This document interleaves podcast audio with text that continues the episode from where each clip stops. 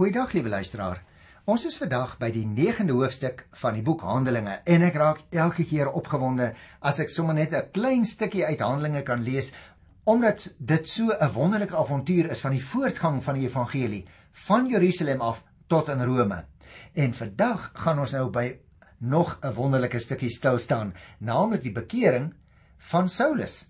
Ek het in 'n vorige program al vir jou so 'n bietjie vertel van hierdie man wat ons hier ontmoet as Saulus en wat ons ook teëgekom het by die steniging van Stefanus, toe daar 'n jong Joodse man, 'n hooggeleerde ou wat geleer het aan die voete van Gamaliel, daar gestaan het toe die ander Jode in Jerusalem vir Stefanus gestenig het. Jy kan gerus weer die verhaal gaan lees, maar dan word niks eintlik oor Saulus vertel nie. Sy verhaal word eintlik hier opgetel en ek het in 'n vorige program vir jou iets van hom begin vertel omdat hy naas die Here Jesus seker die man in die wêreld was wat in sy eie persoon voordat die moderne kommunikasiemiddels nou nog daar was soos die televisie en die radio het Paulus meer mense bereik met die evangelie as enige ander persoon. En ek het ook vir jou daarop gewys dat dit maar net 'n interessante wetenswaardigheid is. Saulus se naam is nie verander na Paulus toe hy begin sendingwerk doen het nie. Ons moet net onthou Saulus is die Hebreëse weergawe van die naam en Paulus is die Romeinse weergawe van dieselfde naam. Sy naam is dus nie verander nie, dit is maar soos ek so 'n ou simpel naam het Johan wat 'n ander taal John is, maar dis dieselfde naam. Daarom uh in die uh, Griekse wêreld waar Saulus sou inbeweeg, was dit veel makliker om hom op die naam te noem wat almal uh, in daardie taal, naamlik Grieks, makliker hanteer het. Ter inleiding van hierdie klompie verse wat ek vandag wil behandel en ek gaan net uh, die eerste 19 verse behandel wil ek dit sê, uh, want jy moet onthou ons kom nou by 'n verhaal wat vir Lukas so belangrik is dat hy dit in 'n sekere sin in hoofstuk 22 en ook weer in hoofstuk 26 gaan herhaal, want daar kry ons weer uh verwysings na hierdie gebeure. Dit gaan naamlik om die bekering van die man wat in 'n groot deel van die boek Handelinge vanaf hoofstuk 13 tot by hoofstuk 28 die hoofrol gaan speel. Lukas stel hom nou hier aan ons voor, maar dan vertel hy eers hoe die weg vir die heidensending gebaan is deur Petrus met die bekering van Kornelius wat ons in 'n volgende keer gaan behandel Uh voordat hy dan in Hosea 13 eers begin met Paulus en die heidensending self.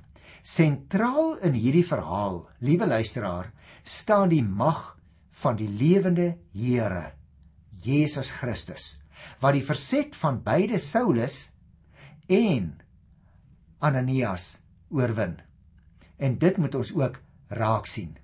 Daarom as jy sou vra, hoekom het die Jode in Jerusalem die Christene van stede so ver as Damaskus begin vervolg.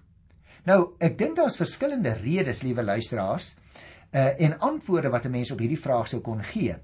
Uh kom ek noem so 'n paar daarvan. Nommer 1. Hulle wou die Christene wat gevlug het in die hande kry. Tweedens, hulle wou verhoed dat die Christendom na die ander groot stede versprei, want jy sien is belangrik dat die Christendom in die groot stede geplant sou word omdat dit groot handelssentra was en daarvandaan sou die evangelie baie vinniger kon versprei. So die Jode het alles in die werk gestel om te verhoed dat die evangelie die groot stede kon bereik. 'n Derde rede is: hulle wou verseker dat die Christene nie tot probleme met die Romeinse regering lei nie, want dit sou groot probleme vir die Jode in Jerusalem veroorsaak. 'n Vierde rede: hulle wou Paulus help om te vorder en sy aansien as opregte fariseer te verhoog. En 'n laaste rede miskien, hulle wou al die verskillende Joodse groepe verenig. En daarom was hulle gretig om hierdie gemeenskaplike vyand, naamlik die Christendom, te gebruik om dit te bewerkstellig. Maar dit net so 'n bietjie as agtergrond. Kom ons begin met Handelinge 9, die eerste 2 verse. Intussen het Saulus soos 'n besetene voortgegaan om die volgelinge van die Here met die dood te dreig. Hy het na die hoë priester toe gegaan, luister nou mooi, en van hom bekendstellingsbriewe aan die sinagoges in Damaskus gevra. Sy doel was naamlik om al die aanhangers van die leer van die Here wat hy daar kry mans sowel as vrouens gevange te neem en na Jerusalem toe te bring. Nou, liewe luisteraar, letterlik staan daar hier geskrywe Saulus blaas dreiging en moord in die Griekse taal, so staan dit. Hy wil naamlik na Damaskus toe gaan, het ons gelees, waar daar 'n Joodse kolonie was, bestaande uit meer as een gemeente. Nou ons het al oor die sinagoges gepraat, nê, nee, want soos wat die Jode versprei is na die jaar 586 voor Christus, het hulle oral in die plekke waar hulle gekom het, het hulle begin om sinagoges te bou. Nou niemand sou ooit kon dink in die geskiedenis dat daardie selfde sinagoges die lanceerbasis sou vorm in die tyd van die Nuwe Testament om die evangelie te versprei. Want jy sien oral waar Paulus sou kom het, het hy gewoonlik na 'n sinagoge gegaan want daar was Jode bymekaar en die Jode die Ou Testament geken en dan het hy vir hulle vertel die Ou Testamentiese profeseë het in vervulling gegaan in die persoon van Jesus Christus van Nasaret. Daarom is die sinagoges baie belangrik. Ons moet onthou in die hele ou wêreld het die Jode dus in 'n sekere opsig die gesag van die Joodse raad onder leiding van die hoë priesters erken. En daarom vra Saulus nou ook van hulle bekendstellingsbriewe. Die Christene volg die leer van die Here. Het ons hier gelees. Dit wil sê die leer en die lewenswyse wat Christus vir ons laat aanteken het in die Bybel. En daarom gaan ek nou vers 3 tot by vers 6 hier lees want hier kry jy nou nog belangrike inligting. Toe hy op reis naby Damaskus kom, het daar skielik 'n lig uit die hemel op Saulus gestraal. Hy het op die grond neergeval en 'n stem van hom hoor sê: "Saul, Saul, waarom vervolg jy my? Wie is u, Here?" Vra hy toe. Baie interessante vraag. Wie is u, Here? Jy sien luisteraar, as 'n mens die Here werklik ontmoet, dan sal nie by jou twyfel wie dit is nie. Ek is Jesus, antwoord hy. Dit is vir my dat jy vervolg. Maar staan op en gaan na die stad toe. Daar sal vir jou gesê word wat jy moet doen. Nou ons het hier baie interessante versies want die vraag wat die Here Jesus aan Saulus stel word des te dringender gemaak deur die herhaling twee keer van sy naam. Die vraag impliseer naamlik dat die vervolging van die gemeente die vervolging van die Here self is. Saul Saul, waarom vervolg jy my? So jy sien liewe luisteraar, die Here Jesus word geïdentifiseer met die boodskap van die evangelie. Nou op hierdie stadium lees ons in vers 3 is Saulus op pad na Damaskus toe. Damaskus, liewe luisteraar, was 'n baie belangrike handelsstad. Dit was ongeveer sou ek sê so 240 km noordoos van Jerusalem in die destydse Romeinse provinsie Sirië. Vandag natuurlik lê dit in die gebied uh van Amman aan die regterkant of aan die ooste kant van die Jordaanrivier. Damaskus was deur 'n netwerk van handelsroetes aan die ander belangrike stede in die Romeinse ryk verbind. Paulus het dalk gereken dat hy verhinder sou word om die Christendom na die res van die ryk uh te kan bereik en dat hy dus so intoe moet gaan. Daar kan hy hulle dalk voorkeer dat hulle nie verder in die ryk versprei nie. Uh en dat hy hulle dus daar in Damaskus as dit ware sou kon uitwis en dan sou die wêreld ontslae wees van die Christene. Ons moet nou onthou, liewe luisteraar, die lewende Christus het aan Paulus verskyn hier op die pad, juis terwyl hy op pad was na Damaskus toe om die Christene daar te gaan vervolg. Hy het die waarheid van die evangelie net daar op die pad ontdek. Hoe die Here gryp soms so kragtig in mense se lewens in. Ander kere is bekering 'n stil ervaring. Wees versigtig vir mense, liewe luisteraar, wat daarop aandring dat jy 'n spesifieke soort bekering wat net op 'n spesifieke manier plaasvind, moet hê. Die Bybel leer dit nie, daar's baie maniere van bekering. Die regte manier om tot geloof in die Here Jesus te kom, is die manier waarop God jou daartoe lei. Hoe dit ook al mag wees. Soms gryp hy direk in jou lewe in, ander kere gebruik hy sy woord. Hoe dit ook al sê, die Here het baie verskillende maniere. Maar vir my interessant ook hier in die 3de vers, Paulus verwys telkens na hierdie gebeurtenis as die begin van sy nuwe lewe in Christus. Hoe hy daar op die pad deur die Here as dit ware tot blindheid geslaan is. Jy kan sulke verwysings kry byvoorbeeld in 1 Korinte 9 vers 1 of ook 1 Korinte 15 vers 8 en daar's ook 'n interessante verwysing in Galasiërs 1 vers 15 en 16. Die punt is, die Here Jesus Christus was die middelpunt van hierdie wonderlike ervaring, nie sy bekering nie. Mense lê soms soveel klem op hulle eie bekering dat hulle die genade van die Here in daardie wonderlike werking van sy gees in 'n lewe heeltemal onderspeel. Wat Paulus hier ervaar het, liewe luisteraar, was 'n kommunikasie met die verheerlikte Christus en 'n stem wat met hom gepraat het. Daarop het hy natuurlik besef dat Jesus die Here is. Hy het sy lewe aan hom onderwerp en hy het besluit om die Here Jesus in alles te gehoorsaam voortaan in sy lewe. Tussen hakies. Opregte bekering kom natuurlik voor as 'n mens die Here Jesus persoonlik ontmoet en dit word dan gevolg deur 'n nuwe lewe en 'n nuwe verhouding met hom. Dit help nie net jy sê jy het tot bekering gekom nie. Lei jy daardie nuwe lewe? Staan jy in 'n nuwe verhouding met God? Liewe broer en suster, na jou bekering. Daarom is dit belangrik dat ons sal opmerk uh in daardie 5de vers dat Paulus onder die indruk was dat hy besig was om ketters en afgedwaaldes te vervolg, maar in werklikheid was hy besig om die Here Jesus self te vervolg. Net so vervolg enigiemand wat vandag nog gelowig is vervolg ook die Here Jesus.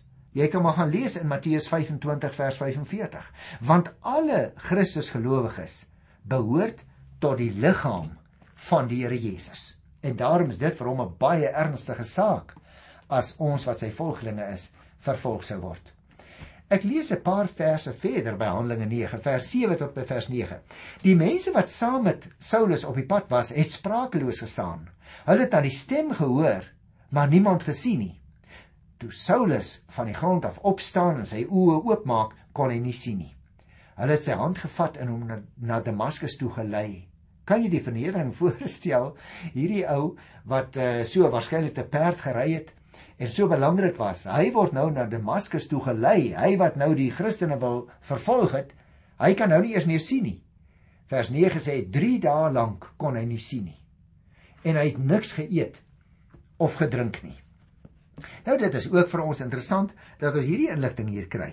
Want die eerste ding wat vir my uitstaan is, daar was nog mense saam met Saulus op pad.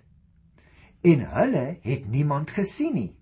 Dit impliseer, liewe luisteraar, dat Saulus nie net die lig gesien het nie, soos vers 3 sê, maar die Here Jesus self. En dit word bevestig deur vers 17 en vers 27 waarby ek volgende program uh, eers sal kom. Daar is dus 'n klein verskil tussen vers 7 wat sê dat die reisgenote wel die stem gehoor het en wat ons later in Hosea 22 vers 9 lees wat sê dat hulle nie die stem gehoor het nie. Die bedoeling van beide weergawe is in elk geval duidelik. Die reisgenote het bemerk dat God aan Saulus verskyn, maar nie verstaan wat die verskyning beteken het nie. Saulus, die magtige vervolger van die gemeente, word magteloos voortgelei. As 'n mens werklik met God in aanraking kom, liewe luisteraar, dan besef 'n mens eers regtig jou werklike onmag voor die Here. Vers 10 tot 16. Kom ek lees dit. In Damaskus was daar 'n sekere volgeling van Jesus met die naam Ananias. Die Here het hom in 'n gesig geroep: "Ananias." "Hier is ek, Here," het hy geantwoord. En die Here sê vir hom: "Gaan dadelik na Regheidstraat toe en vra by Judas se huis na 'n man van Tarsus met die naam Saulus. Hy's besig om te bid." En hy het in 'n gesig 'n man met die naam Ananias sien inkom wat hom die hande oplê sodat hy weer kan sien. Maar sê vers 13. Ananias sê: "Here, ek het al by baie mense van hierdie man gehoor en gehoor van al die kwaad wat hy die mense wat in U glo in Jerusalem aangedoen het. En nou is hy hier met volmag van die priesterhoofde om almal gevange te neem wat U naam aanroep." Toe sê die Here vir hom: gaan daarheen want ek het hom gekies as my werktuig om my naam uit te dra onder die heidene nasies en hulle konings en ook onder Israel. Ek self sal vir hom wys hoeveel hy vir my naam moet ly. Nou liewe luisteraar, hier kry ons nou 'n aangrypende stukkie geskiedenis. Ananias ontvang 'n gesig. Dit wil sê die Here verskyn aan hom. Hy antwoord dadelik. Hy is dus 'n gewillige dienaar. Die Here gee nie maar net die bevel nie, maar hy noem twee redes waarom Ananias na Saulus toe moet gaan. Hy sê nommer 1: Jy moet gaan want Saulus berei nie 'n klopjag voor nie.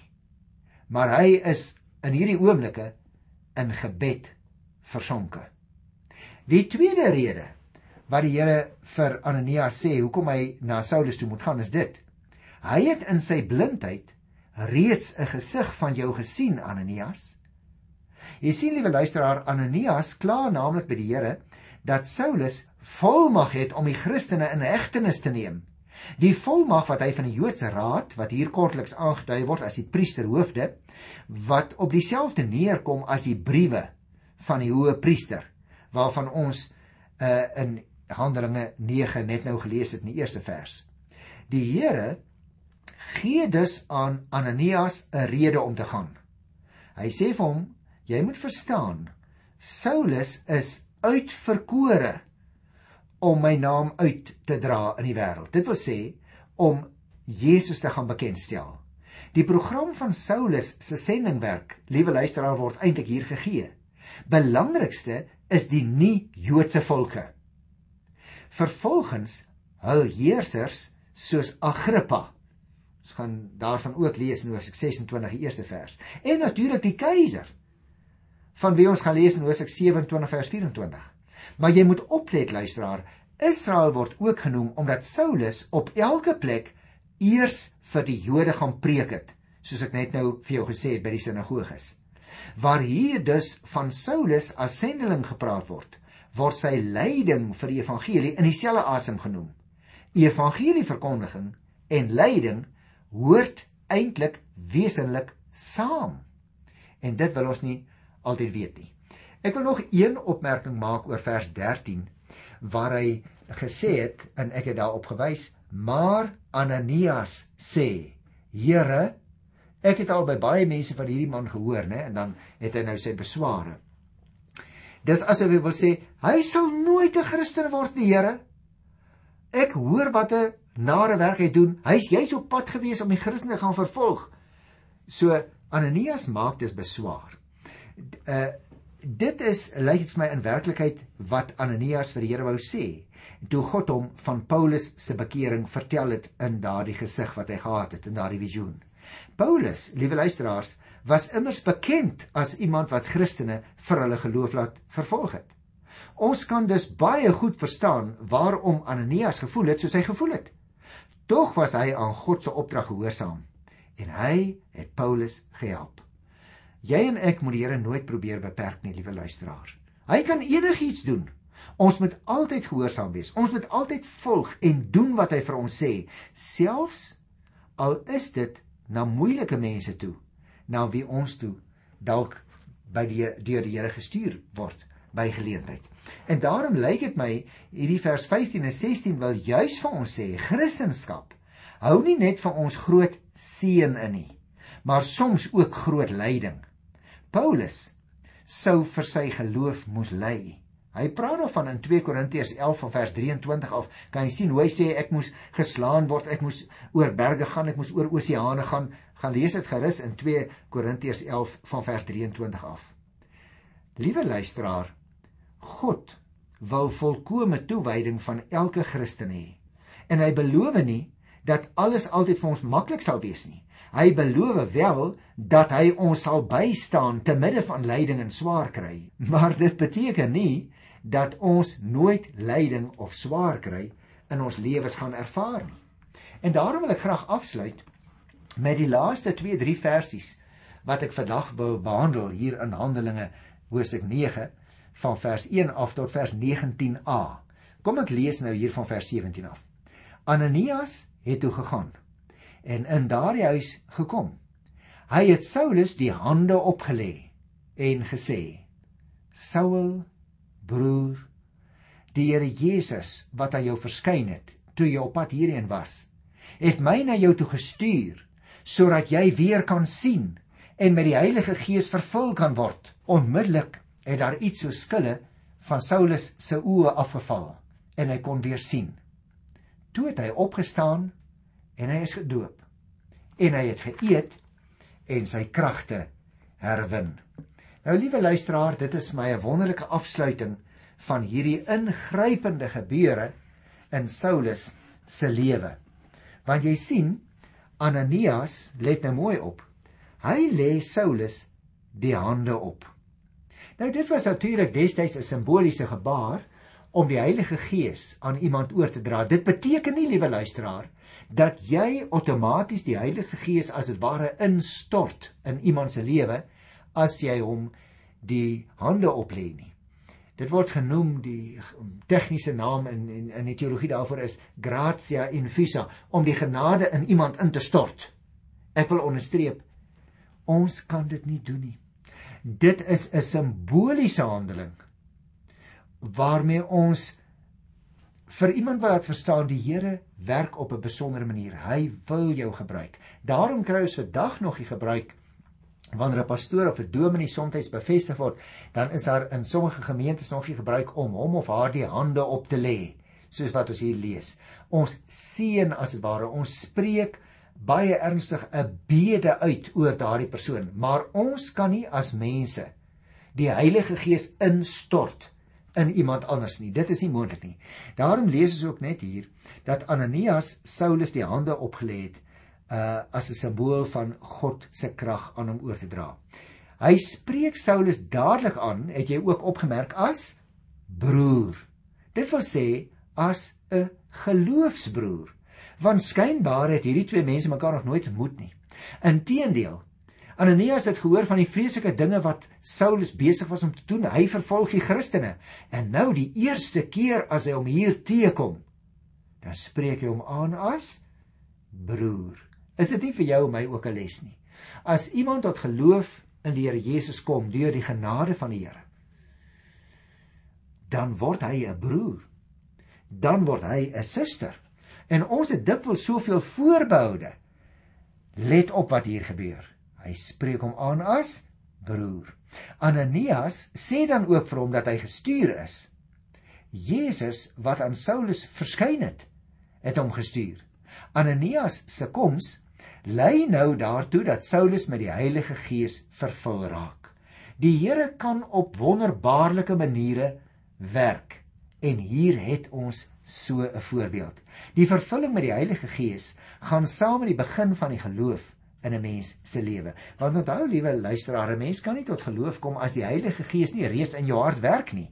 En hier moet ons dit dus so sien dat Saulus se bekering eers met die koms van Ananias afgerond word.